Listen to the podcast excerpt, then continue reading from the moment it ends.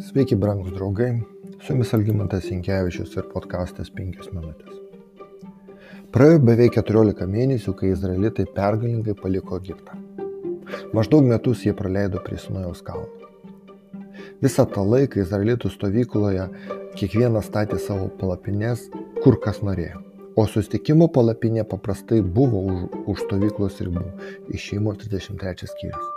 Tada viešpats nustato aiškę tvarką, kaip kas kurioje eilėje turi pastatyti savo palapinę ir kaip eiti, kai visa tauta keliauja. Jei turėtumėm galimybę pažvelgti Izraelio stovyklą iš paukščio skrydžio, pamatytume įdomų vaizdą ir pačiame centre pamatytume susitikimo palapinę. Skaičiu antras skyrius. Šioje stovykloje buvo ir tų, kurie nebuvo izraelitai pagal tautybę, jeigu taip galima pasakyti. Todėl jie buvo tam tikru atstumu nuo izraelitų. Jie sudarė vadinami stovyklos pakraštį arba kraštą. Tai buvo turbūt egiptiečiai, kurie paliko savo tėvynę, tik turbūt todėl, kad bijojo viešpatės sukeltų jų šalyje nuostabių, stulbinančių ir gazdinančių dalykų. Ir turėtumėm pastebėti, kad jie nuolat kurstė izraelitus grįžti į Egiptą. Skaičių knygos 11 skyriuje pasakome apie du murmėjimo epizodus, kurių Vienas iš kurstytojų buvo ne izraelitai. Skaičiu 11 skyrius, 1-2 eilutė. Atsitiko taip, kad žmonės pradėjo karčiai murmėti prieš viešpatį savo nel... dėl savo nelaimę. Viešpats tai išgirdo ir užsidegė pykčių. Tada viešpatės ugnis suliepsnojo prieš juos, sunaikindamas stovyklos pakraščius. Karčiai, karčiai murmėjo galima a, išversti kaip kalbėjo blogai į viešpaties ausį. Antrą kartą jie murma ir tarp jų dabar yra svetimtaučiai.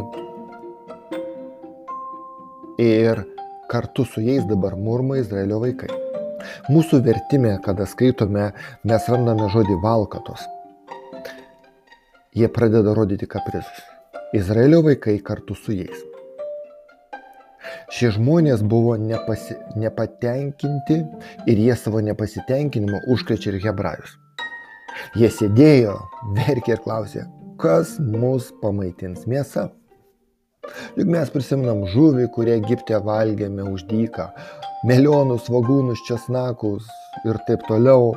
Ir dabar mūsų siela merdi, mūsų akise nėra nieko išskyrus maną. Skaičiu 11 skyrius nuo 4 iki 6 eilutės.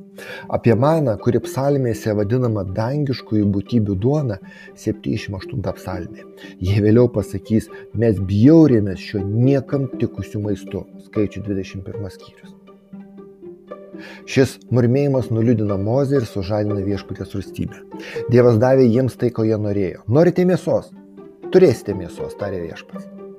Valgysit visą mėnesį, kol įgrys ir tau pasidarys bjauru. Skaičiai 11 skyrius nuo 19 iki 20 eilutės. Toliau nuo 31 eilutės tame pačiame skyriuje mes skaitome.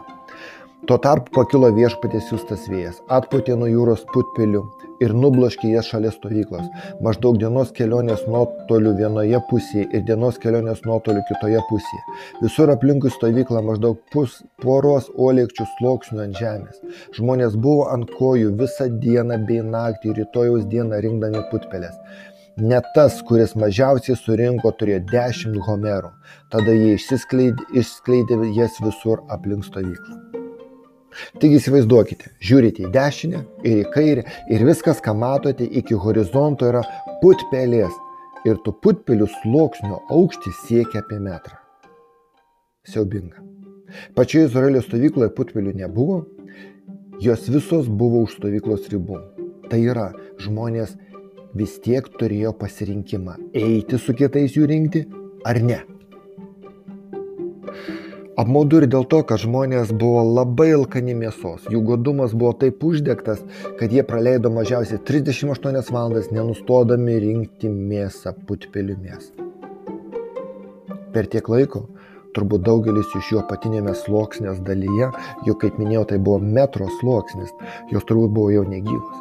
O žinote, kaip ne, negi, negyva mėsa, kokia jinai. Ir tas, kuris surinko tik tai 10 putpelį maišų, tas jis nedaug surinko. Kaip minėjau, Net galime nekalbėti apie tai, kaip greitai mėsa genda karštomis pietinio klimato sąlygomis. Psalmė yra parašyta, jis davė jiems, ko jie reikalavo, bet siuntė ir alinančią lygą.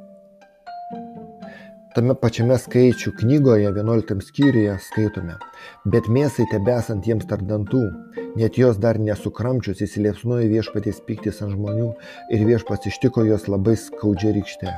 Už tą tą vietą buvo pavadinta Kibrot Tava, nes ten buvo palaidoti žmonės pasidavę gudumą. Gudumas geismas naikina tos, kurie nuo jo priklauso. Jis geismas ir godumas yra efektyviausias nuodėmės ginklas. Paulius rašo, tegul nebeviešpatauja jūsų mirtingame kūne nuodėmė, kad vėl nepasiduotumėte jo geismams. Romiečiam 6.12. Brangus draugai, apsivilkė Kristumi, elkimės apgalvotai. Nepaverskime kasdieninio rūpešio dėl savo kūno nuodėmingų geismų. Su jumis buvo penkios minutės ir Algymantas.